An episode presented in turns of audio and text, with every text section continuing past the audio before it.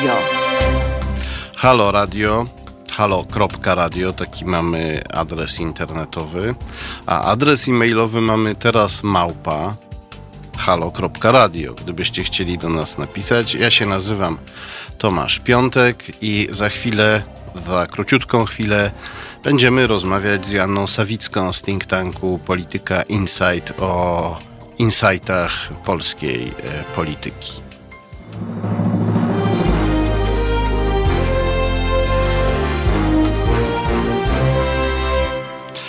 Halo Radio, Tomasz Piątek, jest ze mną Joanna Sawicka z think tanku Polityka Insight. Dobry wieczór. Dobry wieczór.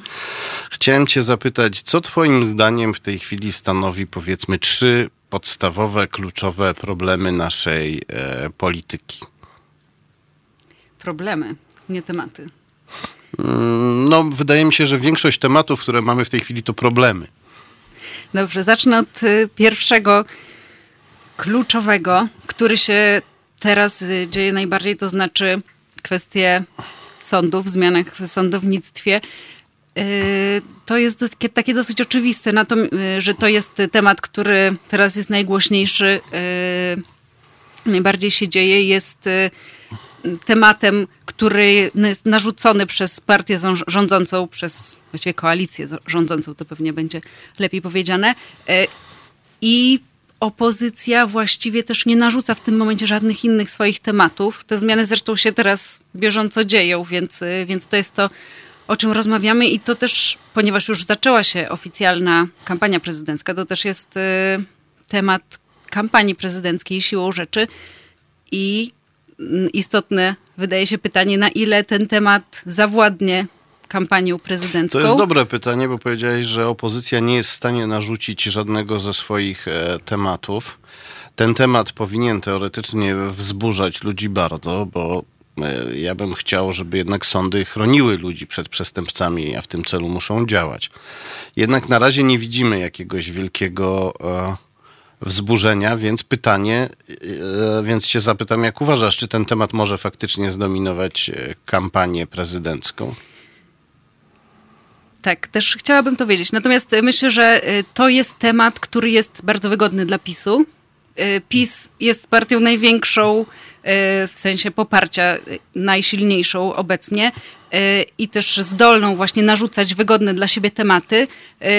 On, ten temat wszedł znowu do polskiej polityki na, na pierwszy plan w grudniu i wydaje się, że był to bardzo wygodny sposób dla PiSu, żeby przykryć niewygodny z kolei temat y, afery Banasia.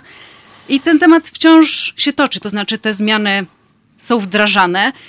Y, o aferze Banasia już się teraz nie mówi, natomiast y, tak jak jeszcze kilka miesięcy temu, kilkanaście miesięcy temu, było tak, że mm, ten temat dla społeczeństwa był taki dosyć neutralny, to znaczy niewiele osób e, w sprawie sądów było skorych do tego, żeby wychodzić na ulicę na przykład. E, nie mobilizowało to wyborców opozycji, ani też specjalnie PiSu, żeby chodzić na wybory. Tak coś wydaje się, że w tej sprawie zaczyna się zmieniać, to znaczy nie mamy tego tak wiele oznak, natomiast był taki mm, dosyć głośny sondaż Ibrisu dla Dziennika Gazety Prawnej w styczniu, który pokazał, że w tym sporze o praworządność jednak większość obywateli jest po stronie Sądu Najwyższego, a nie partii rządzącej, a nie rządu. Y, I też nawet w elektoracie PiSu te zmiany nie są popierane. Mam wrażenie, że ten temat jest też przede wszystkim narzucany nie przez cały PiS, nie przez cały obóz rządzący, tylko jednak prowodyrem w tej sprawie jest y, minister sprawiedliwości Zbigniew Ziobro i jego partia.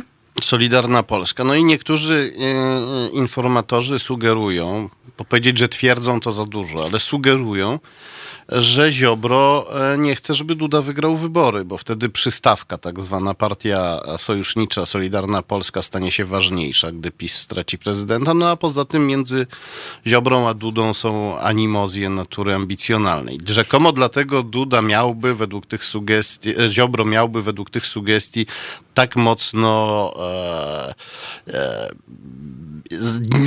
rozpocząć tak mocne i ewidentne niszczenie polskiego wymiaru sprawiedliwości w trakcie kampanii wyborczej Dudy. Nie wiem, czy byłabym skłonna się z tą tezą zgodzić. Oczywiście, jak jak to mówisz i w ogóle jak obserwuję tę sprawę, przychodzi mi do głowy porównanie z kampanią samorządową, w, który, w której na kilka dni czy kilkanaście dni przed głosowaniem, przed ostatecznymi wyborami, Ziobro złożył wniosek do Trybunału Konstytucyjnego o zbadanie zgodności z, konstytu- z konstytucją jednego z artykułów Traktatu o funkcjonowaniu Unii Europejskiej i no właśnie. to zostało uznane za jeden z przyczynków dużego sukcesu opozycji w miastach. To znaczy, to było coś, co zmobilizowało wyborców do opozycji do pójścia no, bo wtedy na ludzie wybory. krzyknęli polexit. Po raz pierwszy ludzie tak. chyba skojarzyli kwestię sądownictwa z polexitem tak mocno. Tak, natomiast trzeba pamiętać o tym, że yy, wybory prezydenckie jeżeli chodzi o prezydenta Polski, nie odbędą się wyłącznie w miastach, a wręcz te największe miasta to jest jeżeli dobrze pamiętam, to jakieś 10, może 15% głosujących, coś takiego. Yy, to takie kilka największych miast. I to jest temat, który do tych ludzi najbardziej przemawia. Oczywiście każda grupa się liczy. Do tak? tych 15%. I, tak, tak. Natomiast pewnie jest to mniej, zdecydowanie mniej mobilizujące. Też było w wyborach samorządowych. Przecież PiS zdecydowanie wygrał wybory do sejmików. Tak się opozycja lubi mówić, że wygrała wybory samorządowe. No to jest tak, że opozycja wygrała wybory Miasta. samorządowe w kilku miastach, tak, a w sejmikach, czyli tych te kluczowe tak naprawdę wybory ona przegrała, więc, y, więc y, ten temat No różnymi środkami, był... prawda? Pamiętamy radnego Kałuże, zapamiętamy go sobie na długo. Oczywiście. No pamiętamy ministra Dworczyka, który wtedy latał po Polsce i przekonywał kolegów, żeby korumpowali lub dali się skorumpować. Tak, i ostatecznie wynik jest taki, że jest władza pół na pół. Z tego co pamiętam, 8, 8 sejmików dla opozycji, 8 dla PiSu, no ale te wyniki takie procentowe, no to było jednak zdecydowane zwycięstwo PiSu. Yy, I tylko dlatego, że opozycja ma większą yy, zdolność koalicyjną. Przewidujesz, Natomiast, że Duda wygra? Przewiduję, że Duda wygra. No to jest y, takie pytanie, na które... Mm, ta odpowiedź jest w tym momencie taka prosta i oczywista i nasuwająca się. Natomiast trzeba tutaj dodać ale. Tak mogą naprawdę być mogą być niespodzianki. No, to jest y, banalna odpowiedź, bo wszystkie sondaże wskazują na zwycięstwo Dudy. I też jak patrzymy na te jego spotkania, on jeździ po Polsce bardzo regularnie, jest tym bardzo sprawny i patrzymy na relacje internetowe, bo ja przyznam, że w ostatnich miesiącach nie uczestniczyłam w żadnym z tego typu spotkań. Pewnie w czasie kampanii się wybiorę z różnymi kandydatami, żeby to oglądać z bliska. Natomiast obserwuję w internecie i rzeczywiście no, niesamowitą ma tam frekwencję i jakiś taki duży entuzjazm tłumów. Nie mówię, że to jest nie do przełamania, natomiast, natomiast pozycję startową ma silną. Choć z drugiej strony yy, ta kampania będzie dla niego na pewno w pewnym sensie bardzo też trudna, bo właśnie jest obciążony różnymi, yy, różnymi aferami yy, związanymi z rządem. Tak, on jest bardzo ściśle związany z partią rządzącą i w, absolutnie w tej kadencji nie no Nawet nie, próbował poczynić takich kartą. kroków, żeby, żeby się uniezależnić, żeby pokazać, że on jest y, prezydentem obywatelskim, niezależnym właśnie. A dlaczego swojej... uważasz, że afera Banasia jest aż tak kłopotliwa dla PiS? Y, PiS szedł do wyborów z tych w 2015, y, jednych i drugich prezydenckich parlamentarnych z takim hasłem, żeby że oni wprowadzą prawdziwą sprawiedliwość, że nie będzie korupcji, że nie będzie uwłaszczania się na państwie, no dobrze, że nie będzie, że koniec z tymi... w spółkach z tymi... Skarbu Państwa, łamią prawo na każdym kroku, śmieją się w twarz każdemu, kto im to wytyka. To dlaczego akurat Banaś? Dlatego, że tam się pojawiła agencja towarzyska i prostytutki w tle? Dlatego, że chodzi o seks? Y, te takie afery wydaje mi się y, z kontekstem mm, czy seksualnym też się wcześniej pojawiały.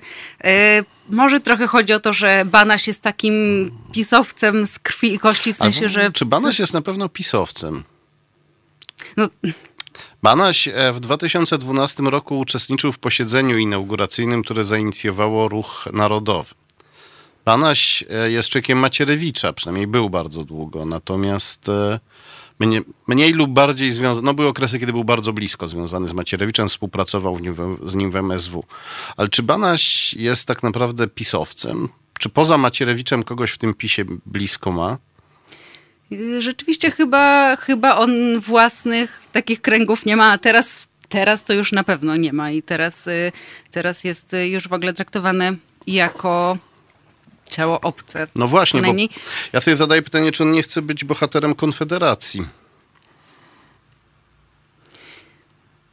Być może.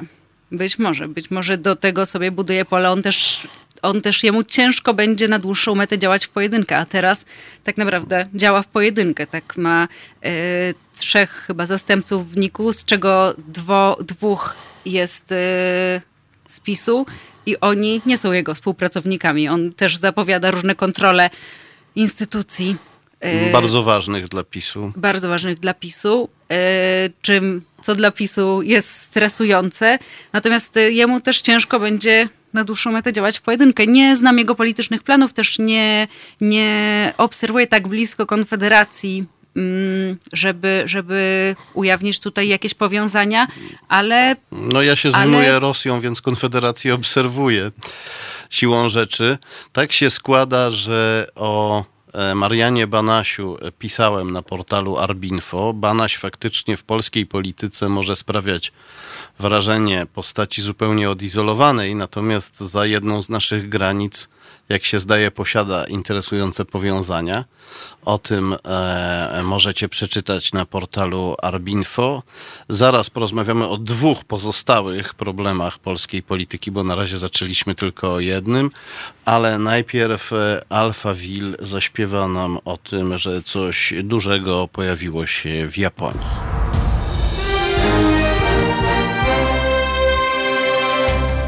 Halo Radio. Gadamy i trochę gramy.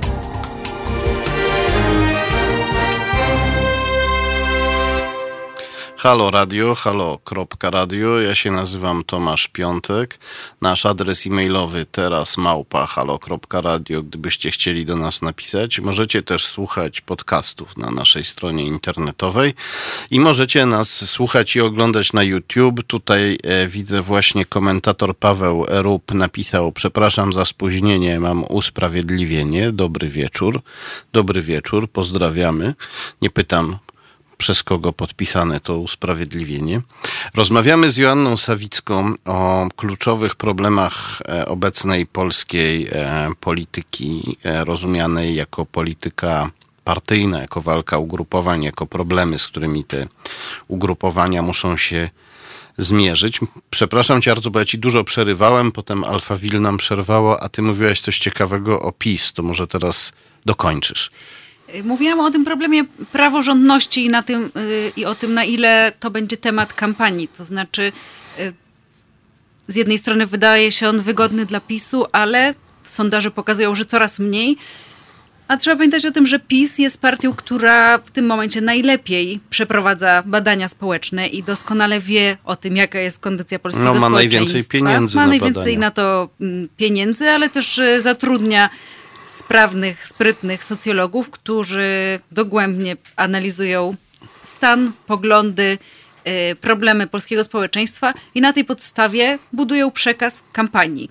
Y, żadna partia tego nie robi w tak zaawansowany sposób, dlatego spodziewam się, że oni wymyślą jakiś temat, jeżeli zorientują się, że, że rzeczywiście ten sondaż, o którym ja mówiłam, sondaż Ibrisu, wskazujący, że dla, mm, że Polacy są niechętni yy, wobec rządu, jeśli chodzi o ten spór o praworządność. E, jeżeli PiS, badania pisowskie to potwierdzą, to z pewnością narzucą jakiś inny temat, który będzie mobilizował wyborców. No może prezes Kaczyński będzie miał wreszcie upragnioną okazję, żeby wyrzucić Ziobrę. No właśnie, bo to jest y, też, y, to jest też rozmowa o tym, że w tym momencie jest bardzo mało prezesa Kaczyńskiego, który, y, jak rozumiem, wciąż rehabilituje swoje kolano po operacji i teraz właśnie trwa, trwa taki chaos w obozie Zjednoczonej Prawicy. Ten chaos wykorzystuje bardzo sprawnie Zbigniew Ziobro, który na temacie praworządności buduje siłę swojej formacji, Solidarnej Polski. Natomiast jeżeli Spodziewam się w najbliższych tygodniach powrotu Jarosława Kaczyńskiego. 15 lutego będziemy mieli e, konwencję taką otwierającą kampanię PiSu, e, kampanię Andrzeja Dudy oczywiście. E, I myślę, że, że już to będzie moment, w którym Jarosław Kaczyński jednak wróci i narzuci jakiś ton, czy jakiś temat dyskusji na kolejne no, tygodnie. Tradycja jest taka, że w ogóle podczas kampanii tony łagodnieją. No może nie zawsze, ale często zawsze. PiS łagodnieje. Podczas kampanii Kaczyński się chowa, więc pytanie na ile on wróci. Wiesz co, mam wrażenie, że ten etap już minął, że Kaczyński rzeczywiście w, kilka lat temu chował się e, na czas kampanii. Na pewno tak było w tej kampanii e, 2015, w tych dwóch kampaniach prezydenckiej i parlamentarnej. Natomiast Kaczyński był wtedy, e, miał mm, bardzo kiepskie oceny, własne notowania w sondażach. Na przykład w tym e, takim notowaniu e, zaufanie, sondaż zaufania w Cebosie. On miał bardzo, wysokie, bardzo wysoką nieufność i dosyć niskie zaufanie społeczne. Teraz on się zdecydowanie poprawił w tym sondażu i dużo częściej występuje w kampanii. Przecież w kampanii europejskiej chociażby w 2019 roku to on, to on był bardzo aktywny, a przy okazji też narzucił taki dosyć agresywny ton No tak, bo minęły cztery lata, odkąd PiS bombarduje część elektoratu, topniejącą część widowni, powiedzmy, to nie topniejącą część widowni, ale ciągle dużą e, propagandą pisowską za pomocą e, TVP. No i mamy już e, co najmniej sześć lat, jak Polacy są bombardowani propagandą e, propisowską albo korzystną dla PiS, bo antyzachodnią, przez e, różne anonimowe, półanonimowe portale polskojęzyczne, które powielają zazwyczaj treści z Kremla, ale też e, dodają do tego propagandę pisowską, po części też konfederacyjną, ale bardzo często pisowską. To, ma, to na pewno pomogło i Jarosławowi Kaczyńskiemu, i jego partii. Ja się zastanawiam, czy to nie jest kluczowy problem polskiej polityki. Na ile my możemy, e, na ile politycy mogą uczestniczyć w normalnej grze politycznej, na ile wyborcy mogą podejmować świadomie decyzje, kiedy jesteśmy pod takim bombardowaniem dezinformacyjnym. Po części krajowym, po części też zagranicznym, co jest jeszcze bardziej niepokojące. Na ile my jesteśmy e, w, w takiej sytuacji państwem demokratycznym i na ile jesteśmy państwem suwerennym. No na pewno to jest problem mm, wszystkich obecnych demokracji, że, że problem fake, newsów, problem tego, że obywatele sobie nie radzą z tą dezinformacją, że partie podskórnie też e, korzystają z takich e, nie do końca moralnych metod e, dochodzenia do mm, obywateli ze swoim przekazem. I z pewnością od kilku lat było, jest tak, aczkolwiek to zaraz powiem, mam wrażenie, że to się trochę zaczęło zmieniać, że PiS był zdecydowanie najsprawniejszą partią w internecie. No to znaczy y, też sprawna jest skrajna prawica, natomiast y, wszystko, co jest na lewo od PiS, y, mam wrażenie, że w tym internecie y, błądziło jak we mgle. Teraz jak obserwuję kampanię y, Platformy, czy też Małgorzaty Kidawy-Błońskiej, ale też wcześniej, y, kilka tygodni, miesięcy temu kampanię Platformy, mam wrażenie, że Platforma powoli odrabia jakąś lekcję też, żeby w tym internecie zaistnieć. To jest, to jest niesamowite, bo Platforma, czy też ludzie związani z Platformą stworzyli kilka portali, które podają informacje korzystne dla Platformy e, lub interpretacje korzystne dla Platformy, ale nie podają fake newsów. To znaczy selekcjonują, interpretują, ale nie kłamią. Ale oni się starają, mam takie wrażenie, żeby te portale przypominały te e, rosyjskie czy rosyjsko podobne fake newsowe portale. Jak gdyby uznali, że ludzie tamtym wierzą i do nich się trzeba zewnętrznie upodobnić, chociaż się nie stosuje kłamstwa. Nie wiem, czy tak jest, być może. Yy, No jeżeli nie stosują kłamstwa, to tylko... To tylko Nie, ale to jest dla mnie zdumiewające, że prawda, choćby i stronnicza, ale jednak prawda się próbuje przemalować, znaczy próbuje udawać kłamstwo, żeby łatwiej ludzie ją zaakceptowali. Dla mnie jako dziennikarza to jest coś niesamowitego. No po prostu są takie metody. Też y, są badania o, mówiące, że fake newsy szybciej się rozprzestrzeniają. Być może Platforma ma jakieś swoje badania, być może doszli do wniosku, że coś, co ma formę fake newsu, co wygląda, co przypomina, y, to łatwiej dotrze do ludzi. Ja też się zastanawiam, na ile ta odrabiana przez nich lekcja w internecie, to, to jest y, dobra, dobra robota. To znaczy, ja mam wrażenie, jak teraz obserwuję platformę, to trochę mam wrażenie, jakbym oglądała kampanię PiSu właśnie z 2015 roku, że oni Próbują wejść do, do tej samej rzeki, do której wcześniej wszedł ktoś inny. Tak, tak. I próbują nadgonić, ale my jesteśmy już trochę w innym momencie. To znaczy, myślę, że to jest ogólnie dobry ruch, bo internet jest super ważnym y, środkiem przekazu i, i partie, żeby w ogóle istnieć, no muszą, muszą tam sprawnie działać. Y, I ileś tam rzeczy pewnie trzeba docenić, to znaczy mm, ogólnie dużo większą aktywność y, różnych polityków tej partii w internecie. Y, jakieś takie trochę bardziej profesjonalne y, infografiki na przykład, czy mm, transmisje internetowe, dbanie o to, żeby te spotkania różne w Polsce z wyborcami, nawet jeżeli one nie są jakieś super liczne pod względem frekwencyjnym, żeby to dobrze wyglądało, no to, no to rzeczywiście y, na pewno jest to jakiś krok do przodu. Natomiast y, mam wrażenie, że jakby PiSów wciąż nie dogoniła ani Platforma, ani, ani, mm, ani też nikt. inne ani nikt. Ani nawet Konfederacja, powinniśmy być może powiedzieć, która tutaj jakby źródłem e, wydarzeń w polityce polskiej i e, europejskiej, a nawet zachodniej od pewnego czasu jest Rosja. A Konfederacja jest najbliżej Rosji, więc e, stąd takie moje stwierdzenie. Tak, chociaż oni z tego, co z moich obserwacji wynika, to nie, nie będzie nic specjalnie przełomowego, natomiast e, oni po prostu są też sprawni w takim jednoosobowym przekazie, w sensie, że oni mają, yy, ci poszczególni politycy często mają sporo swoich obserwujących. Yy, no bo oni już się nauczyli, że w mediach tak, społecznościowych tak, wygrywa człowiek, a nie partia, nie tak, tak medium, tak, nie instytucje. Jeżeli Musimy zaraz kończyć, bo e, niestety tylko do 19.30 mamy czas, więc skoro już e, poruszyliśmy temat suwerenności naszej polityki, to cię zapytam, czy czytałaś książkę Grzegorza Rzeczkowskiego Obcym alfabetem? Nie czytałam. Przykro mi, bo jest to mój były kolega redakcyjny, czy też wciąż kolega redakcyjny, yy, bo ja wcześniej coś robiłam w samej polityce, a teraz jestem w polityce Insight ale przykro mi, niestety o tym ciężko będzie porozmawiać. Nie, nie, ja tylko pytam. To tak można powiedzieć moja osobista ankieta, jaką robię wśród ekspertów. I jak wyniki? No, wyniki są takie, że e, moje, moje odczucie jest takie, że ludzie po prostu boją się tę książkę wziąć do ręki.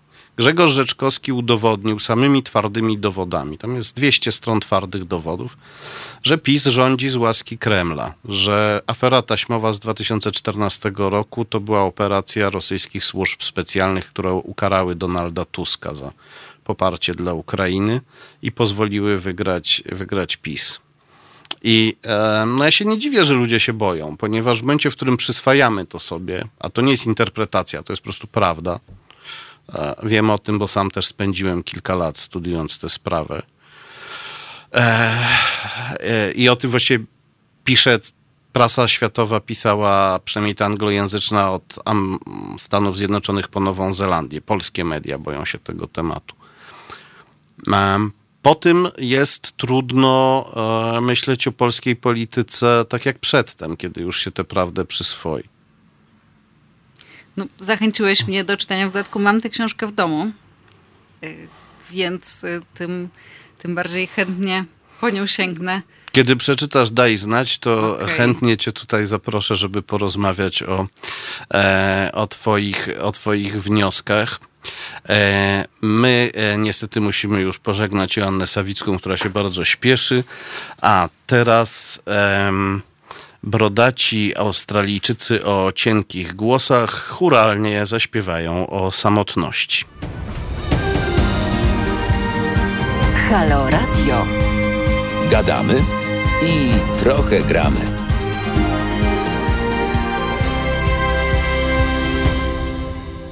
Halo Radio. Halo.radio, taki mamy adres internetowy. Jak wpiszecie halo.radio, to się pojawi nasza strona. Na tej stronie możecie słuchać podcastów. Nasz adres e-mailowy teraz małpa halo.radio. Gdybyście chcieli do nas napisać. Ja się nazywam Tomasz Piątek No i e, niestety Joanna Sawicka z think tanku Polityka Insight nas opuściła. Nie zdążyliśmy porozmawiać o dwóch pozostałych kluczowych problemach polskiej polityki. Powiedzieliśmy tylko o e, jednym. E, powiedzieliśmy o problemach związanych z niszczeniem sądownictwa w Polsce. No, ja porozmawiałem też trochę, skierowałem rozmowę na tory problemu, który moim zdaniem jest najbardziej kluczowy, czyli niesuwerenność naszej polityki. Ale Joanna Sawicka powiedziała, że ma jeszcze dwie inne sprawy, dwa inne tematy, dwa inne problemy w głowie i że chętnie do nas e, wróci jednego z najbliższych poniedziałkowych wieczorów. Więc jeszcze się e, usłyszymy i porozmawiamy o tych dwóch pozostałych kluczowych problemach polskiej polityki. Jestem bardzo ciekaw, jakie to są problemy. Ja natomiast muszę mm, w imieniu swoim, jako redaktora naczelnego portalu Arbinfo, wygłosić teraz małe oświadczenie. Nie wiem, czy Państwo zauważyli, ale portal Arbinfo bardzo długo publikował e, niemal e, jeden e, duży tekst e, codziennie. Teraz troszeczkę zwolniliśmy. To z tego powodu, że e, trafiłem e, razem z kilkoma współpracownikami na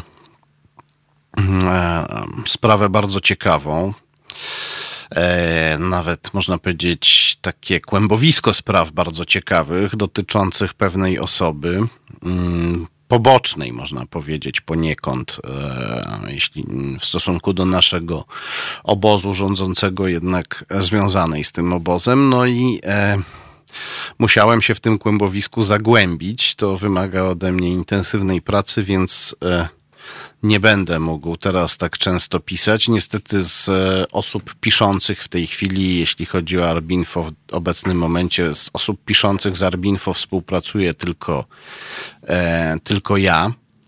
E, niestety e, mm, koledzy, którzy oferowali, że coś e, napiszą, też są bardzo zajęci, popadli w kłębowiska. Ta sytuacja mogłaby się oczywiście zmienić, gdyby portal Arbinfo miał pieniądze. Natomiast tak nie jest. Portal Arbinfo odniósł ogromny sukces, w tym sensie, że w ciągu czterech miesięcy zdobył 120 tysięcy użytkowników bez żadnej reklamy. Natomiast e, mniej niż e, e, jedna setna z tych użytkowników, mniej niż jedna tysięczna z tych użytkowników, mniej niż jedna tysięczna z tych użytkowników zadeklarowała, że coś wpłaci i wpłaciła na portal Arbinfo. Można to robić poprzez serwis patronite.pl. To się pisze patronite.pl, czyli tak z angielska, patronite.pl. Tam można znaleźć mój profil i tam można e, zacząć wpłacać jakieś pieniądze na portal Arbinfo. Zachęcam bardzo, ponieważ w tej chwili jest to właściwie jedyne medium, które e, konsekwentnie zajmuje się kwestią niesuwerenności naszej polityki, kwestią moim zdaniem kluczową, czyli powiązaniami mm, osób, które podejmują w Polsce ważne decyzje, powiązaniami tych osób z za granicą i z nietransparentnymi sieciami wpływu. Na pierwszy ogień portal Arbinfo wziął sobie Rosję, bo ona w tej chwili jest w Polsce najważniejsza, ma największy wpływ na naszą politykę, ale powoli poszerzamy też nasz e, e, zakres zainteresowań i w związku z tym odkrywamy nowe, ciekawe kłębowiska, przez które musimy się przedrzeć, dlatego e, przez pewien czas będziemy publikować e, trochę rzadziej. E, Natomiast zachęcam Was, żeby wykorzystać ten czas, e, wchodząc na stronę Arbinfo i zaglądając do naszego e, archiwum, czyli zaglądając e, nie tylko na stronę główną, ale także sprawdzając, co Arbinfo publikowało wcześniej. Na pewno znajdziecie tam wiele niespodzianek. Tam jest ponad 100 artykułów. Nie sądzę, żeby ktokolwiek przeczytał je wszystkie, oprócz mnie, który muszę, bo jestem redaktorem, bo jestem redaktorem naczelnym.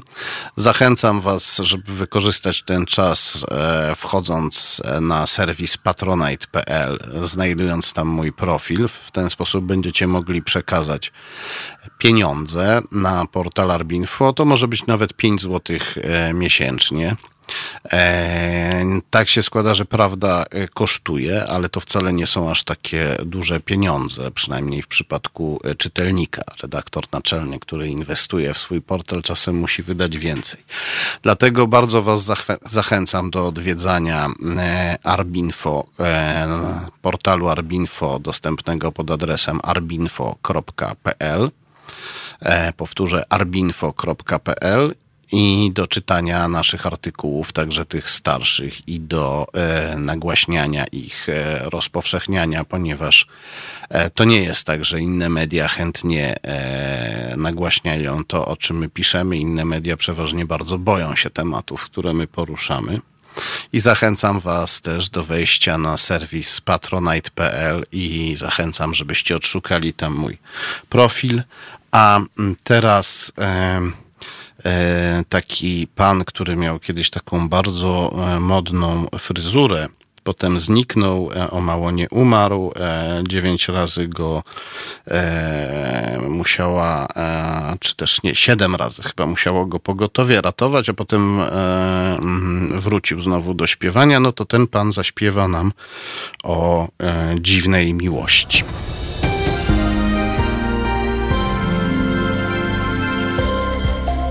Halo Radio. Pierwsze medium obywatelskie.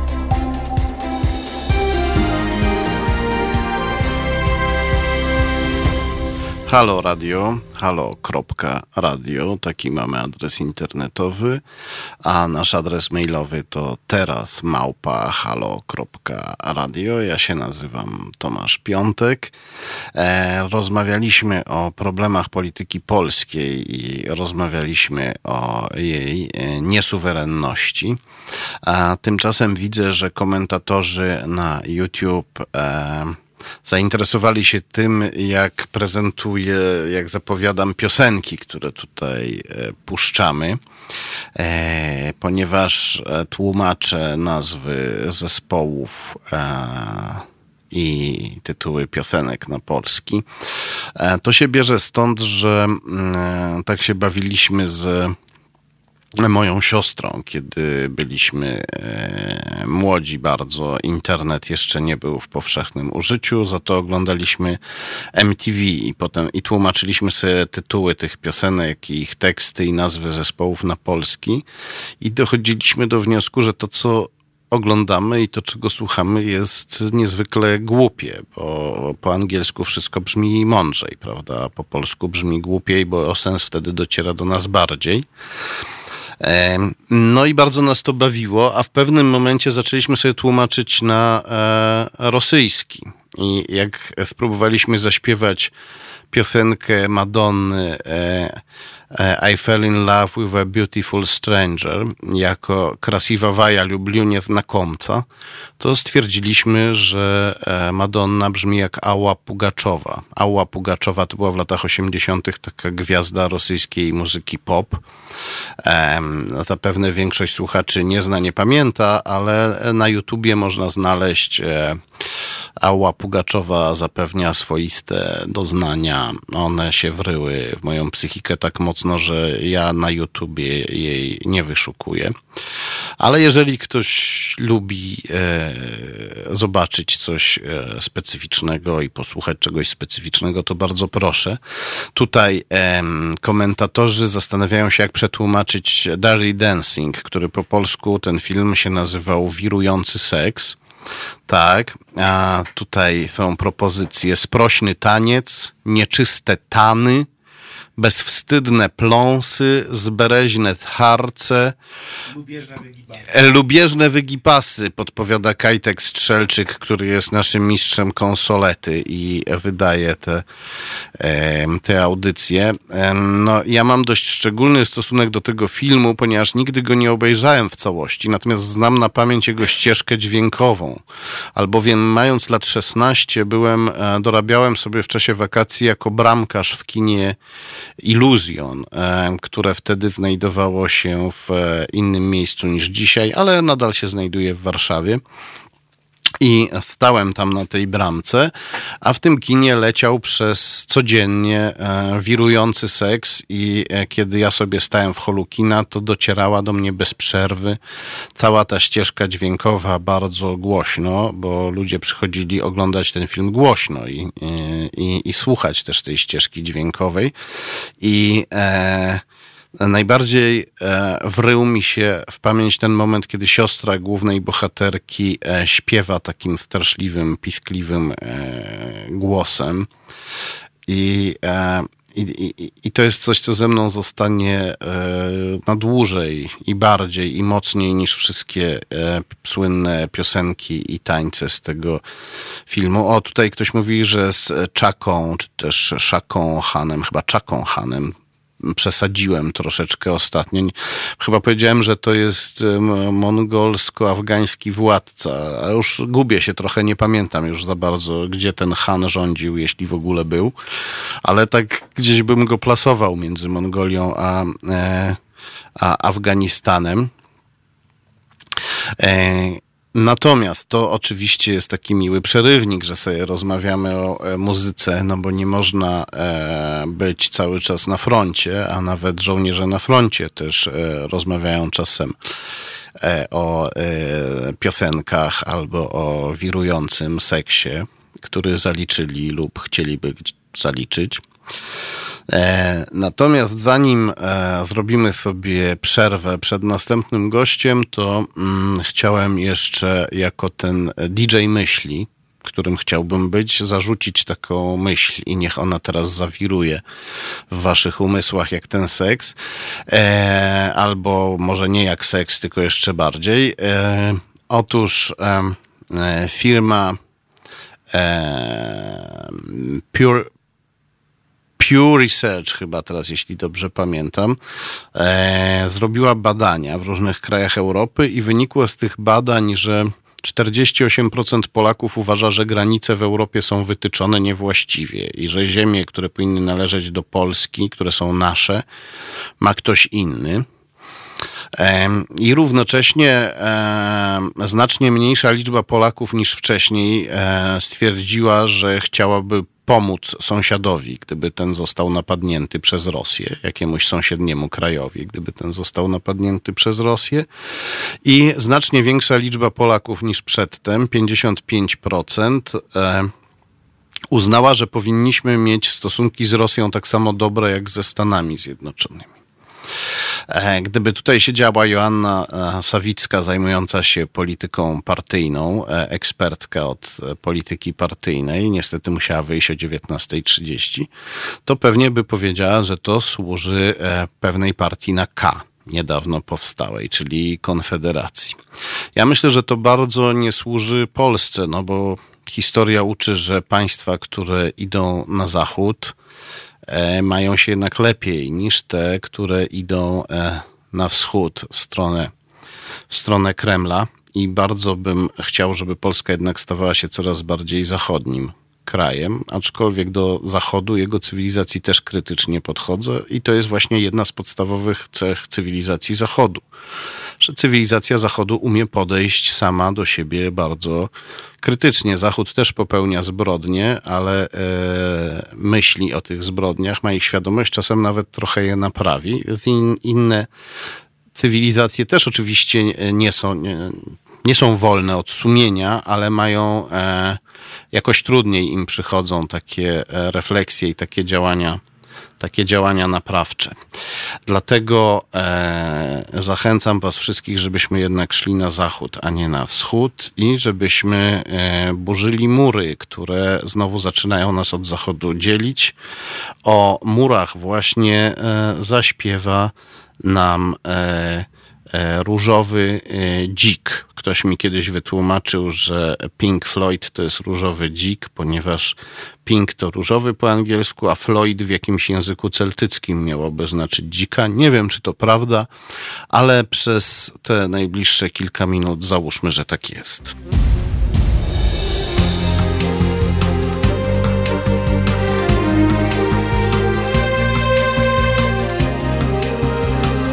Halo Radio.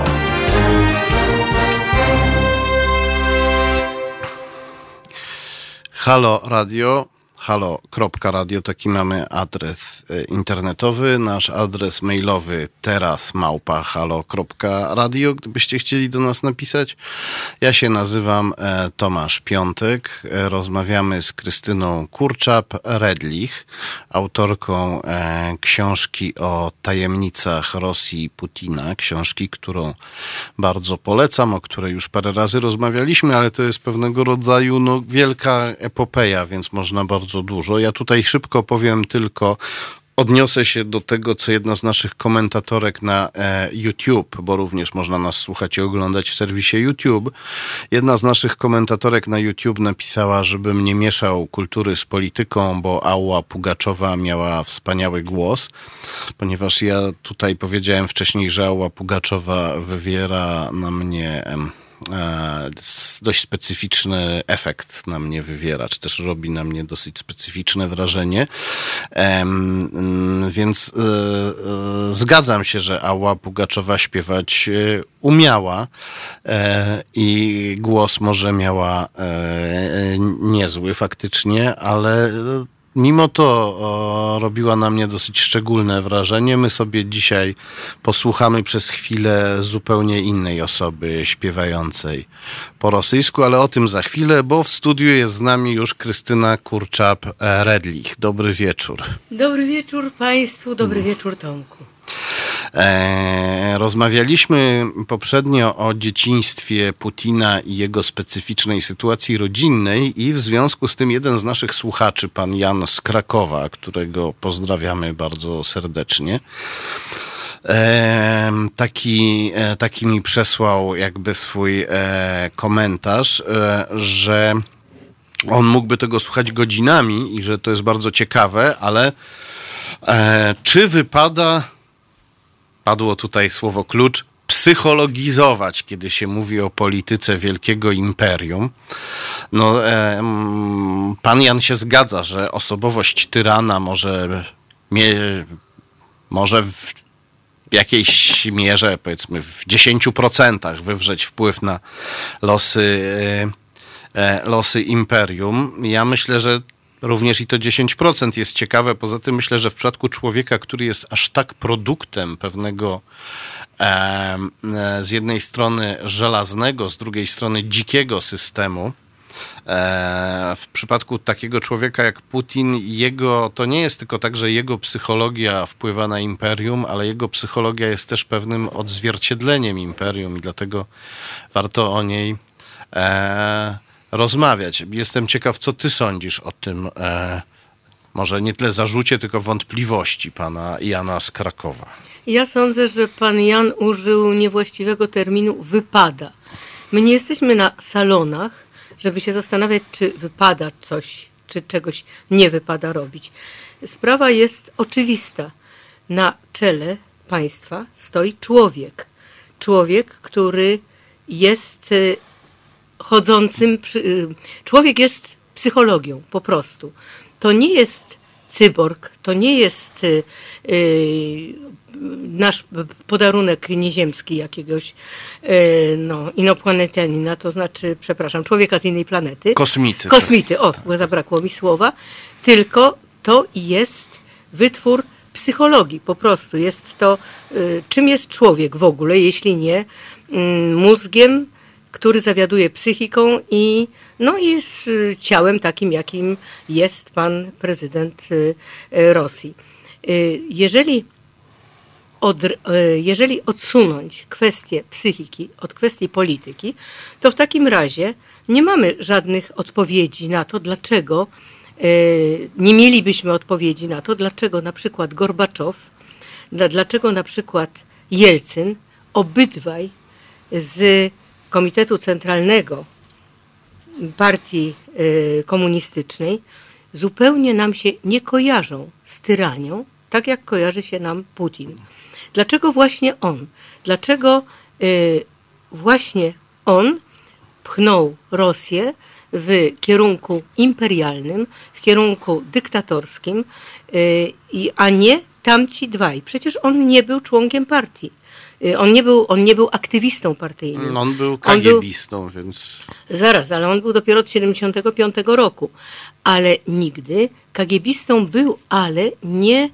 y, dlaczego na przykład Jewgenij Primakow, który był no, bardzo zna, znaczącym y, członkiem KGB, dlaczego żaden z nich nie kojarzy nam się z takimi właśnie postępkami, z takim właśnie postępowaniem, jak z taką Rosją, jaką stworzył Władimir Putin. Przecież bez psychologii, bez odpowiedzi na to, dlaczego y, on jest taki, jaki jest, nie, mamy, nie, nie znajdziemy odpowiedzi na to, dlaczego Rosja dzisiejsza jest taka, jaka jest. Dyktatorska, imperialna, wsadzająca y, ludzi do więzień. Dzisiaj zapadł wyrok dla chłopców dosłownie z, y, z sieci, y, z tak zwanej mm, z organizacji sieć, tak się nazywała organizacja, która nie była ani organizacją terrorystyczną, która była organizacją y, antyfaszystowską przede wszystkim. Y, I ci chłopcy pod y, mm, wpływem, pod, na skutek tortur zastosowanych wobec nich teraz, dzisiaj, dostali wyroki po 18 lat, główny, najwyższy wyrok 18 lat kolonii karnej srogiego łagru. łagru ciężkiego reżimu, o, o najcięższym reżimie. 18 lat, drugi 16 lat. To są chłopcy, którzy mają po No. 20-21 I lat. dzieje się to w tym samym czasie, w którym Putin oskarża Polskę o wywołanie II wojny światowej, zorganizowanie Holokaustu i opowiada o tym, że Rosja pokonała faszyzm i walczy z faszyzmem. I dalszą odpowiedzią, przepraszam, bo chcę skończyć ten wywód, yy, który jest odpowiedzią dla pytającego. Yy, Dlaczego mm, Gorbaczow, członek komitetu, powtarzam, członek, członek Komitetu Centralnego KPZR, yy, u, u, mm, wyzwolił, to znaczy oswobodził, wypuścił z łagrów wszystkich więźniów politycznych i ostatniego więźnia politycznego wypuścił w 1996 roku. Dlaczego Jelcyn w ogóle W nie 86. skazał... W 80, przepraszam, w 86 roku. Jelcyn nie wydał ani jednego y, y, wyroku, ani jednego y, wyroku politycznego. Nikogo nie skazał i także właściwie za jego czasów nie było w ogóle procesów politycznych, a wolność słowa cieszyła się, no, była w ogromnym poważaniu. Mało tego, on ją uważał za naczelne, naczelną zdobycz demokracji, którą on no, bardzo długo lansował. Właściwie, jeśli idzie o wolność słowa, trzeba powiedzieć, że do końca panowania Jelcyna nie można by było nic w tej sprawie zarzucić. I dlaczego nic z tego nie ostało się przy Putinie? Właśnie dlatego, że jego dzieciństwo, właśnie dlatego, że jego młodość była zupełnie inna i była i on te prawdy y, stalinowskie, dokładnie stalinowskie, y, przejął y, jako swoje prawdy naczelne, które bardzo długo skrywał po prostu. No ale marksiści i pewnie też wielu liberałów ci powie, że osobowość władcy ma mniejsze znaczenie, bo zawsze działa on pod naciskiem obiektywnych praw, historii, konieczności gospodarczo-politycznych. I być może to jest prawda, ale z drugiej strony nawet e, jeżeli zadziałały takie e, konieczności, to to, że te konieczności wypchnęły e, kogoś takiego jak Putin, o takiej osobowości na sam szczyt władzy, to też nam dużo mówi o tych e, koniecznościach. To było, właściwie wszystko było dość skomplikowane i już e, nieraz to powtarzałam, że gdyby nie e, pięć tomów, które, mm, pięć grubych tomów zawierających historię choroby Jelcyna, historię nie alkoholową, tylko historię choroby serca i różnych chorób, na które on cierpiał, to y, dzisiejsza, no i gdyby nie alkoholizm, też trudno to, y, trudno to pominąć, to y, Putin nigdy nie doszedłby do władzy, bo Putin nie miałby dostępu do niego tak, jak y, to się zdarzyło dzięki, y, dzięki właściwie jego cór, córce i dzięki człowiekowi, który był bardzo bliski y, Putinowi, jego y, właściwie prawą ręką. Y, To był dziennikarz, y, z, który był y, to był dziennikarz y, z mm, bardzo, y, już w tej chwili nie pamiętam jak się nazywała ta gazeta, ale bardzo była y, ona znana i on pierwszy prowadził y, Jelcyna w świat literatury, prowadził z nim pierwsze wywiady i pierwszy razem z nim napisał książki. I on był właściwie no, narzeczonym tej córki. I oni y, otoczyli Jelcyna mm, absolutnie tak od, y, i odizolowali od innych wpływów, że w momencie, kiedy Putin pojawił się na Kremlu jako człowiek im bardzo potrzebny, to, y, no to wprowadzili go w pełnej, właściwie w dobrej wierze. Oni nie zdawali sobie sprawy z tego, kim jest Putin. Wprowadzili go w dobrej wierze, bo wydawał im się człowiekiem niezwykle pracowitym, niezwykle o poglądach demokratycznych i y, no, niezwykle użytecznym wtedy dla Jelcyna. Czyli chcesz powiedzieć, że obiektywne trendy mogą iść sobie w jakąś stronę, a przewrót pałacowy może wywrócić wszystko do góry nogami wbrew polityczno-gospodarczym trendom, koniecznościom. nie było żadnego, e, żadnych, żadne obiektywne e, wpływy polityczne właściwie wtedy, w tych czasach od 96 roku nie miały dostępu do Kremla. Kreml był, Kreml był chorą e, jednostką, Kreml był chorą mm, częścią tej całej układanki, jaką można wtedy Czyli był takim zamkniętym miastem zakazanym, które rządziło Rosją, nie mając z nią kontaktu. O, on się nazywał Jumaszew, nie mogłam sobie przypomnieć. Jumaszew. Jumaszew. E, Walentin Jumaszew to była właśnie ta osoba, która była najbliższa córce Tatianie Diaczenko, e, i, a córka była z kolei najbliższą osobą e, dla Jelcyna. I ona zawiadywała tym całym kręgiem y, wokół Jelcyna i, i razem z Jumaszewem. Jumaszew został mianowany przez Jelcyna szefem administracji kremlowskiej. To jest bardzo wysokie stanowisko, właściwie najwyższe stanowisko. To jest prawa ręka prezydenta. Ten, kto jest y, szefem administracji, ten właściwie ma nieustanny dostęp do, y, do prezydenta. No a poza tym także i wpływ na niego, jeżeli tym prezydent, prezydentem był Jelcyn. Powtarzam, był człowiekiem bardzo chorym. W 1996 roku miał ciężką, bardzo ciężką operację na sercu, po której właściwie już nie, nie przyszedł do siebie. I, e, a cały czas udawał, że rządził. I on się w ogóle nie pojawiał na Kremlu. Mówiono, że on pracuje z dokumentami. A w gruncie rzeczy to rządził Jumaszew i Tatiana Diaczenko i ci, których oni dopuszczali do, do, do władzy. mówisz, że Putin ich oszukał. Nie myślisz, że koledzy z KGB, FSB mogli mu pomóc w tej intrycy?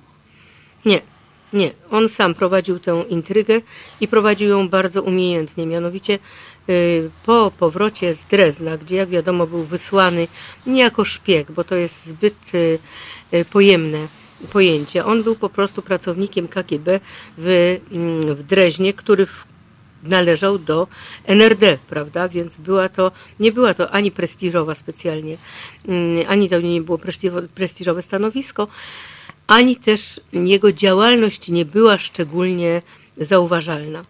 Y, Tak czy inaczej, był tam od 1985 roku i wrócił w roku 90, kiedy już pierestrojka była właściwie stanem faktycznym.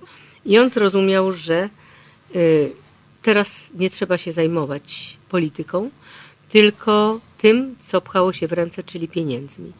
I kiedy y, w 1991 roku do merem został mm, uznawany za demokratę Anatolij Sobczak, Merem Leningradu, merem Leningradu. Nie, nie, jeszcze, Jeszcze to nie Leningradu. był Petersburg, to był jeszcze y, Leningrad.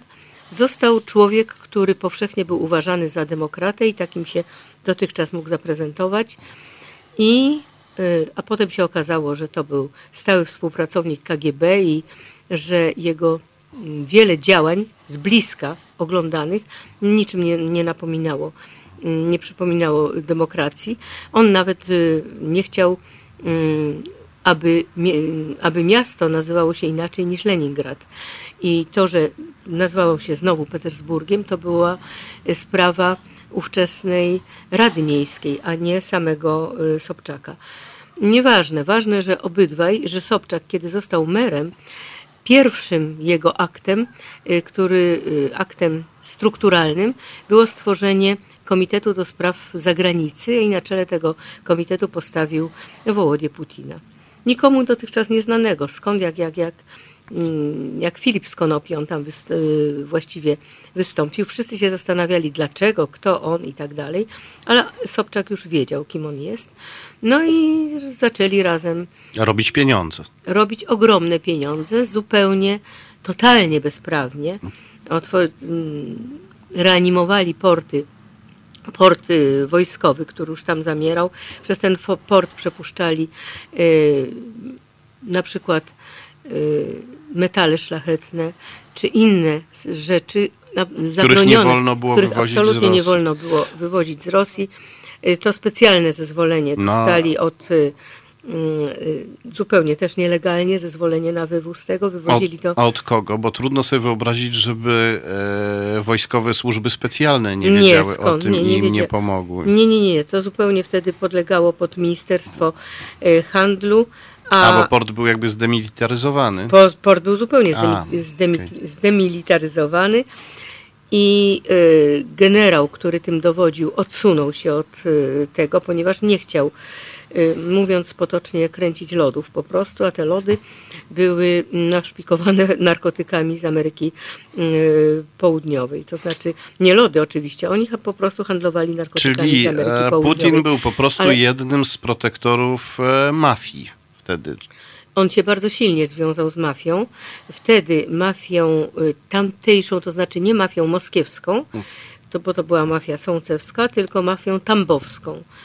I y, właściwie wszystko, co robiono, robiono ręka w rękę z tą mafią i pod y, y, osłoną właściwie mafii także. To są bardzo szczegółowe sprawy i mm, wystarczy powiedzieć, że y, oni zagarnęli, y, zagarnęli ładunek ogromny, y, przeszło 1000 kilogramowy y, narkotyków, który był pod y, kontrolą wtedy y, policji, właściwie międzynarodowej policji, która już, już sięgała po ten ładunek na statku, który wjechał na terytorium wód y, y, niedaleko Petersburga. No i wtedy do tego statku właśnie obserwowanego przez y, wszystkie policje właściwe świata y, podpłynęła łódka, na którą przetransportowano ten ładunek i ładunek w Zniknął. czeluściach Petersburga zniknął, a potem nawet e, podobno przewędrował razem z Putinem w 1996 roku do, e, do Moskwy, bo w 1996 roku Anatolij Sobczak już nie został wybrany ponownie na następną kadencję. Skończyły się e, skończył się czas petersburski Putina, no ale zaczął się jego moskiewski czas. I rozumiem, że e, od mafii tambowskiej przeszedł do sącewskiej. no, no, z mafią sołceską miał mniejsze, y, mniejsze y, związki, ale myśmy mówili wtedy kiedyś o, to znaczy mówiliśmy o y, dzieciństwie Putina, Tak. prawda?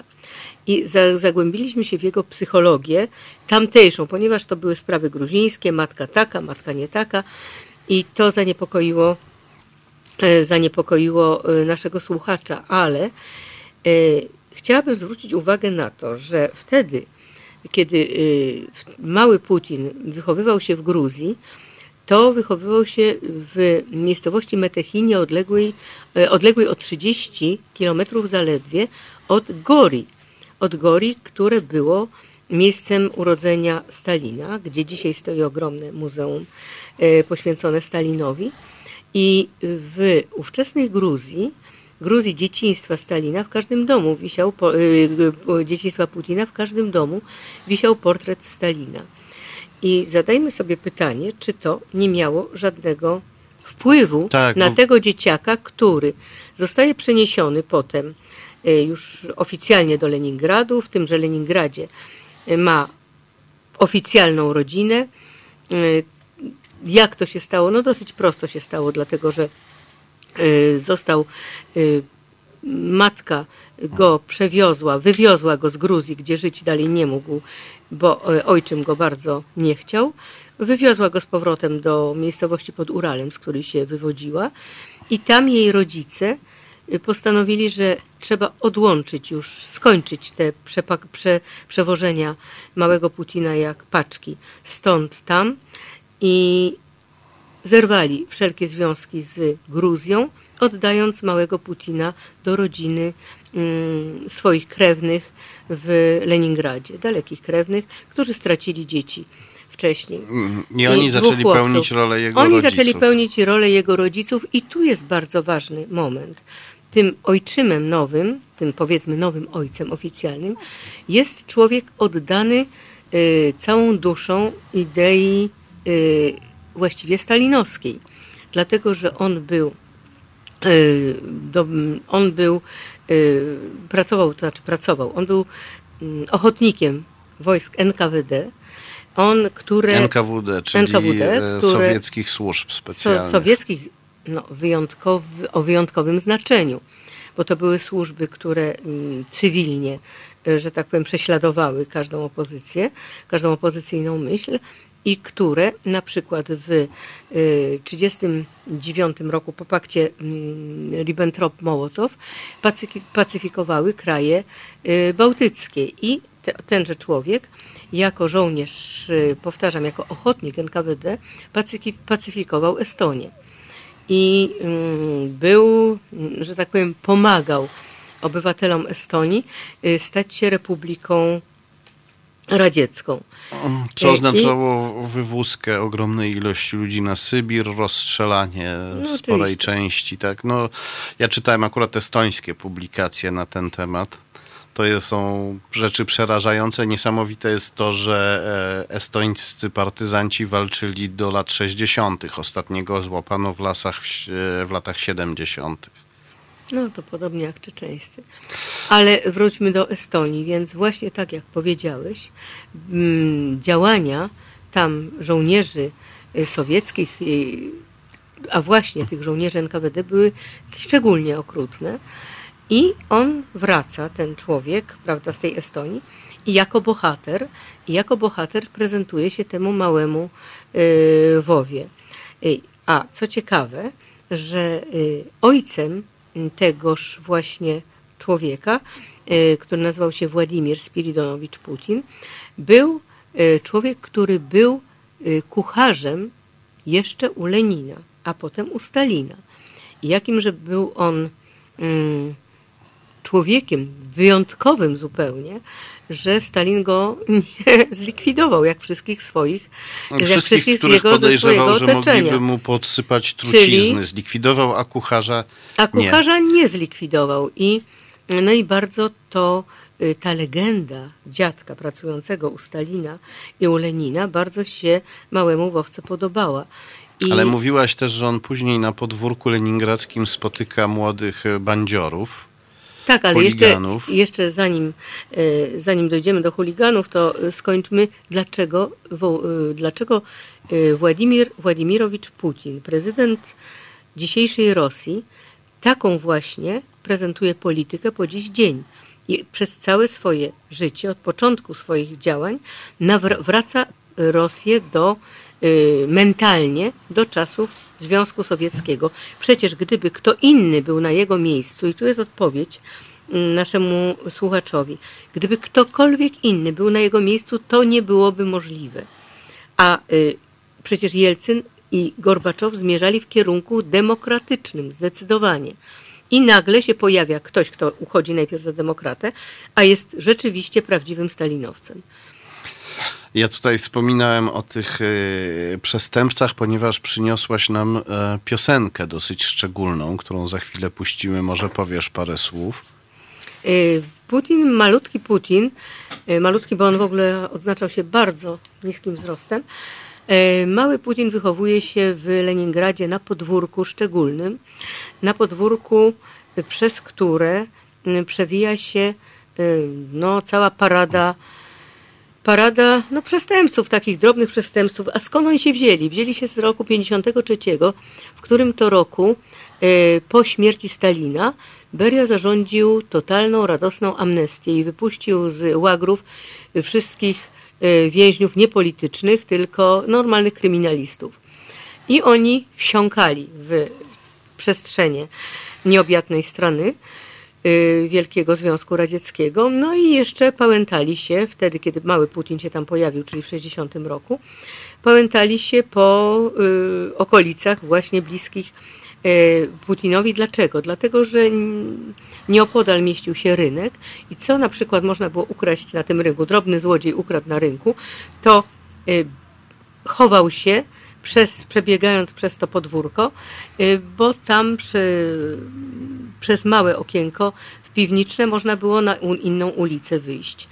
Ale to przykładowo, a w ogóle no, było to normalne podwórko biednej kamienicy leningradzkiej, y, o, dostępne właśnie elementowi przestępczemu i tam się, i na tym podwórku panowały mm, właściwie y, zwyczaje po prostu kryminalne, to znaczy zwyczaje, y, hierarchia, panowała hierarchia więzienna. Starsi y, zdecydowali o mm, tym, co robią młodsi y, i bardzo nimi, że tak powiem, pomiatali. Młodsi musieli się podporządkowywać tej starszyźnie i wszystko to działo się w hierarchii i w grypserze kryminalnej, więziennej. I jak się mały Putin tam znajduje? Y, pamiętajmy, że jest rzeczywiście bardzo mały i że on tam dopiero przychodzi na to podwórko, kiedy ma 7 lat. Czyli on nie wyrasta wśród tych chłopaków, on jest ciałem obcym. I gdyby nie sambo, to co mówiłam właśnie. Y, Czyli które, sama zasita bieza róża, taka sowiecka sztuka walki. Sowiecka sztuka walki, którą już od małego trenował w, w Gruzji, on by sobie nie dał rady. On po prostu y, zaczął walczyć łokciami i jako nie, i sta, po, pokazał się tak wojowniczą jednostką, że podporządkował, podporządkował sobie z czasem tych y, chłopaków starszych, który nim, którzy nim początkowo pomiatali. Miał z początku bardzo trudno, a potem to podwórko stało się jego, jego ulubionym miejscem o jego właściwie, mm, jak się stichia, jego, mm, no właściwie tym, co było dla niego najważniejsze.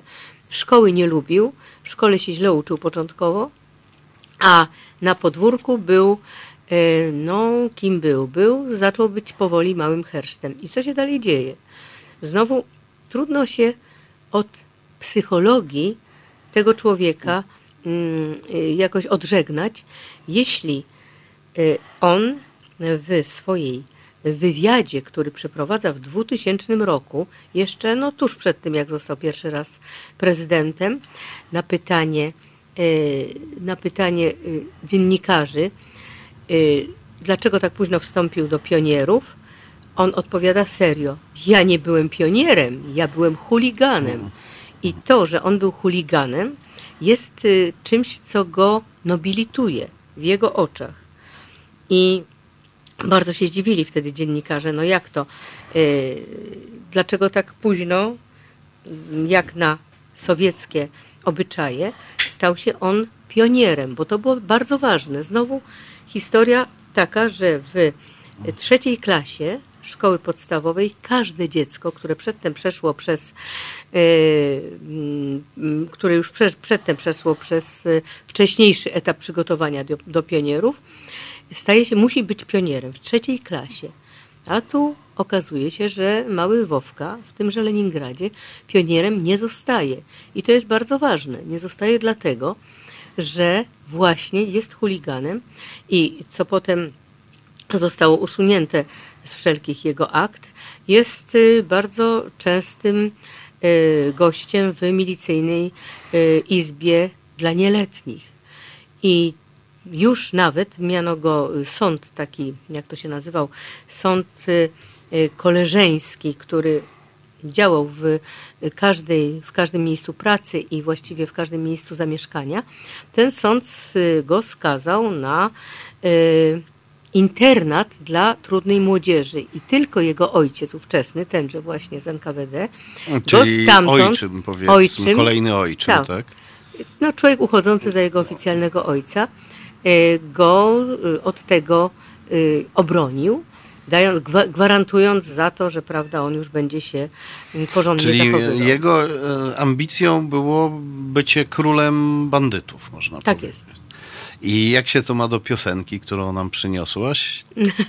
No, ma się tak, że no, to jest piękna piosenka, która z tego króla podwórka i króla y, przez młodocianych przestępców robi bohatera. Więc widocznie y, król z y, pieśni o Kudżawy jednak trochę był inny od naszego Wowki.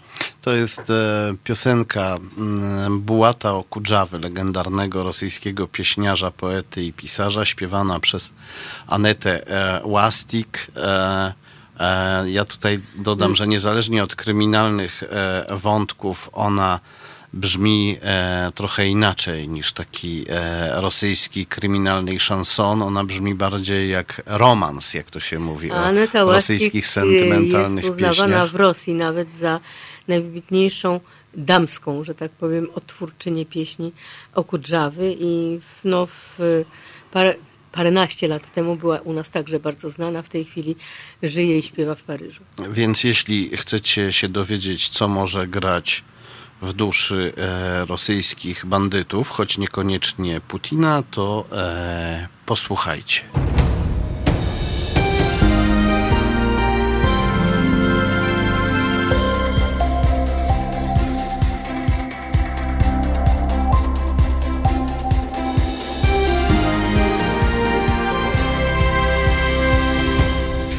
Halo Radio, halo.radio, nasz adres e-mailowy teraz małpa halo.radio. Rozmawiamy z Krystyną Kurczap-Redlich o psychologii Putina i o tym, czy warto e, o psychologii Putina rozmawiać. Tutaj w przerwie powiedziałeś, że chcesz coś jeszcze na ten temat e, powiedzieć. Mm, No, chcę na przykład powiedzieć, że o psychologii Trumpa napisano już masę książek. Tylko dziwnym trafem nic do nas nie, nie, nie jest opublikowane, nic właściwie z tego, co dotyczy psychologii Putina. A jest No jest twoja książka, która No. jakby no, wypełnia ogromną lukę. Tak, dlatego w ogóle wzięłam się do pisania biografii mm, Putina, z, ale także y, historii współczesnej Rosji, y, żeby sobie odpowiedzieć na pytanie, dlaczego. Bo wszyscy pisali, już jest masa biografii Putina, tylko nikt nie odpowiada na pytanie, dlaczego on jest tak okrutny. Dlaczego od początku swoich rządów, dlaczego początek jego rządów to, y, y, to prawie 200 tysięcy czeczeńskich trupów. I dlaczego z tak potworną, y, mm, z potwornym okrucieństwem on idzie przez życie, co za, za nim jest przecież już dobre, dobry cmentarz jego prywatnych wrogów. Dlaczego Zachód spokojnie przechodzi nad tym, że on tam zabija już to, co prawda najbardziej znane, Politkowska, e, Niemcow, ale przecież wszyscy jego y, wszyscy jego opozy- wrogowie, to znaczy właściwie nie wrogowie, wszyscy ludzie, którzy ośmielili się stanąć w opozycji i coś znaczyli, już dawno są na tym świecie. No. Ci Znaczy na tamtym. na, przepraszam, na tamtym świecie. Albo na emigracji. Ale większość jednak z tych, y, no, których, y, którzy w początkach jego władzy y, wy, dowiedli jego związków, zbrodniczych związków, na przykład z wysadzaniem domów w 1999 roku, bo we wrześniu 1999 roku, jeszcze przed tym, zanim y, został wybrany prezydentem, dla udowodnienia y, tego, że Czeczeni są terrorystami, co było wtedy bardzo potrzebne do jego kampanii y, wyborczej, nagle zaczęły wylatywać w powietrze domy w Moskwie, domy w Bujnaksku, y, dwa, domy w Moskwie i jeden miał jeszcze wylecieć w Riazaniu, ale dzięki y, czujności mieszkańców do tego nie doszło, z tym, że udowodniono na 1000%, że ten właśnie wybuch w Riazaniu który udało się uprzedzić, był przygotowany przez FSB. Złapano tych ludzi, którzy, tych, tych y, pracowników FSB, więc wszystko było czarno na białym. I ci właśnie, którzy dowiedli związków FSB z tymi terrorystycznymi aktami, wszyscy zostali zabici.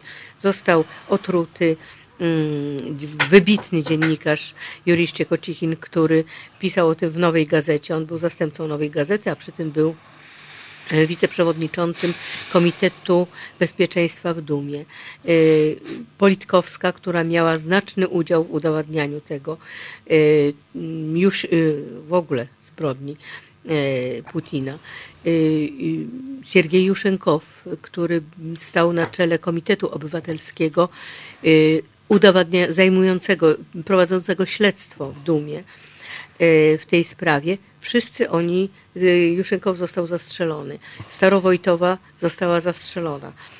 Więc e, to nie są sprawy przypadkowe, ale trzeba podkreślić, że wtedy na czele FSB stał właśnie Władimir Putin.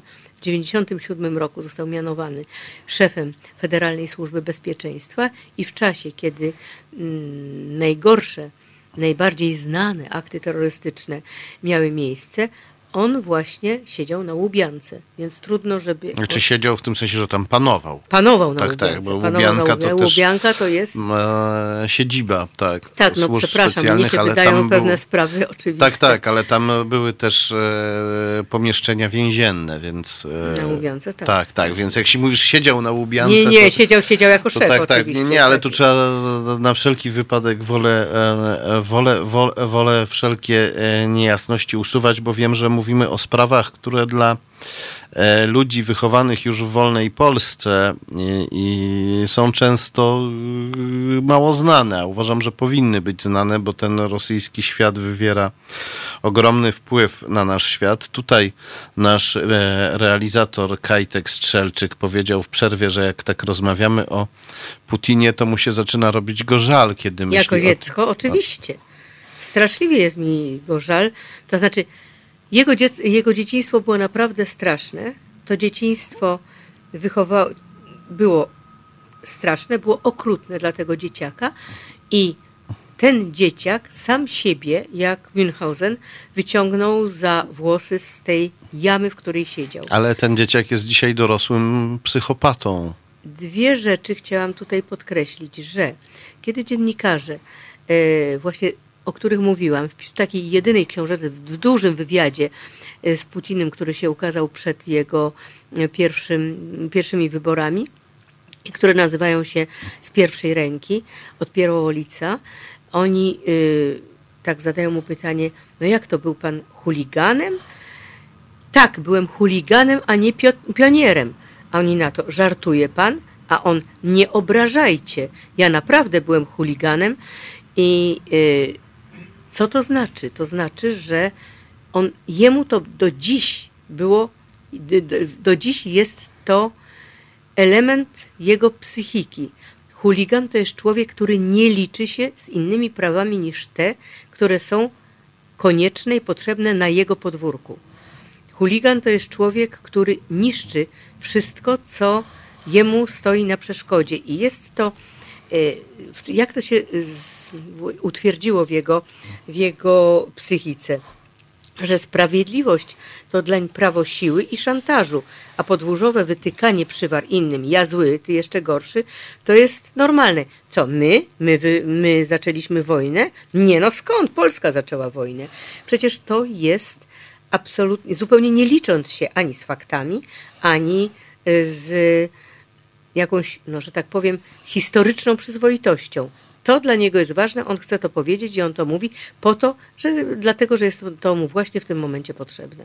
Tu jeden z komentatorów na e, YouTube napisał: Dosyć, ile można słuchać o Putinie, jakby nie było w kraju spraw do e, obgadania. No, trochę mnie bawi ten komentarz, ponieważ w Polsce się e, o Rosji mówi albo bardzo mało, albo bardzo płytko, a te problemy, które mamy w tej chwili w kraju, e, 80% e, może nie samych problemów, ale tych, e, tego, to, że te nasze problemy przybierają tak zaostrzone formy, to w 80% zasługa Putina, który e, i, i jego reżimu, zasługa Kremla, zasługa w cudzysłowie oczywiście, e, ponieważ ten reżim bardzo mocno ingeruje w to, co się dzieje w Polsce, tylko my na to e, zamykamy oczy i chowamy głowę w piasek. Y, to y, aż dziw, że nasz słuchacz tak bardzo oddziela sprawy polskie od spraw rosyjskich. W momencie, kiedy obecna władza zdecydowanie odsu- odsuwa nas od Zachodu, wpycha nas po prostu w już przygotowane, bardzo dobrze przygotowane objęcia wschodu, czyli Putina. Nie wiem, czy Putin jeszcze długo będzie u władzy, dlatego że jest y, bardzo chory, ale y, tak czy inaczej będziemy pod wpływem, jeśli się oddalimy od Zachodu, absolutnie pod wpływem Wschodu, który zdecydowanie już panuje w naszych, y, w, w internecie, czego najwidoczniej nasz y, słuchacz jeszcze nie wie albo nie zauważył. Inny słuchacz, Tomasz Rosiński, napisał: My nie chowamy, w sensie nie chowamy głowy w piasek, i zapytał, co mamy robić. C- Co byś mu odpowiedziała?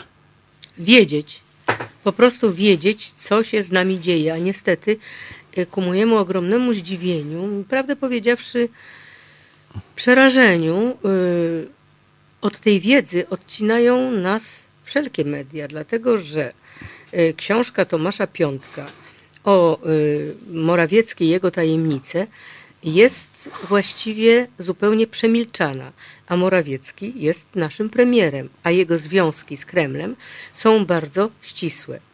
Y, I to są związki na ogół biznesowe.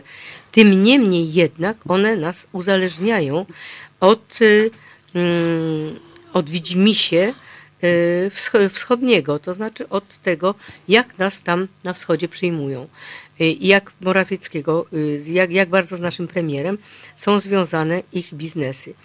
To raz. Dwa, książka y, Rzeczkowskiego o mm, obcym alfabetem też jest przemilczana, a tam czarno na białym mamy dowody na to, że obecna władza na skutek y, sławnej afery podsłuchowej mm, właśnie zwalczyła, udało jej, że obecna władza mm, doszła do władzy, przepraszam, obecny rząd doszedł do władzy y, dzięki tej aferze podsłuchowej, która była pisana cyrylicą po prostu, czyli stamtąd właśnie, y, jak mówią Rosjanie, nogi rastut.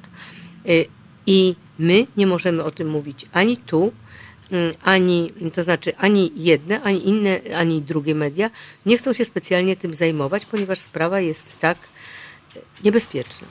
Tutaj słuchacz Tomasz Rosiński nam odpisuje na gorąco. E, pisze, że on o tym wie i mówi o tym e, wszystkim, komu tylko może i pyta, co dalej. To jest e, odpowiedź e, mm, na tę chwilę jest taka, że e, e, faktycznie trzeba o tym mówić i trzeba robić, żeby jak najwięcej osób się o tym dowiedziało, bo kiedy e, e, większość Polaków się o tym dowie i zrozumie, na czym polega ta gra, której jesteśmy ofiarami, to wtedy będziemy mogli przystąpić do, do działania. E, Ważne jest, żebyśmy dzwonili i pisali do naszych posłów, do redakcji medialnych, domagając się od nich, żeby mówili prawdę o, o obecnym uzależnieniu Polski od e, Rosji. I tutaj I zgłaszasz bardzo- wniosek. Zgłaszam wniosek, żeby bardzo uważnie słuchać tego, co mówią posłowie Konfederacji. E, i To jest jedna sprawa, a druga międzynarodowa. Zastanówmy się, czy można w ogóle nie mówić o Putinie, jeśli e, obecne władze różne na Zachodzie tak bardzo chcąc, nie chcąc jemu sprzyjają. No właśnie, tutaj e, mamy już e, takie jaskółki z różnych stron, nie tylko prezydent Macron, także e, niemiecka partia chadecka CDU, jedna z największych niemieckich partii, chce się dogadywać z e, nacjonalistami wspieranymi przez Putina z partii AfD i to jest temat na następne rozmowy, bo teraz już naszemu, musimy kończyć. Jeszcze, jeszcze powiedzmy naszym słuchaczom, że wszelkie działania y, typu masowego, których nie rozumiemy, na przykład antyszczepionkowe, y, są właśnie prowadzone z Kremla po to, żeby nas poróżnić. Wszystkie może nie, ale 80%, 80% na pewno na tak. pewno. Bardzo e, dziękuję za tę rozmowę. Naszą rozmówczynią była Krystyna Kurcza-Predlich, autorka e, książki e, o tajemnicach Rosji Putina, którą bardzo wam polecam. Audycję realizował Kajtek Strzelczyk. Ja się nazywam Tomasz Piątek i słyszymy się za tydzień.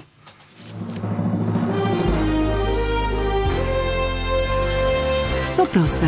Żeby robić medium prawdziwie obywatelskie, potrzebujemy Państwa stałego wsparcia finansowego. Szczegóły na naszej stronie www.halo.radio, w mobilnej aplikacji na Androida i iOS-a oraz na koncie Fundacji Obywatelskiej w serwisie www.patronite.pl. Naszym darczyniom i darczyńcom serdecznie dziękujemy. www.halo.radio. Słuchaj na żywo, a potem z podcastów.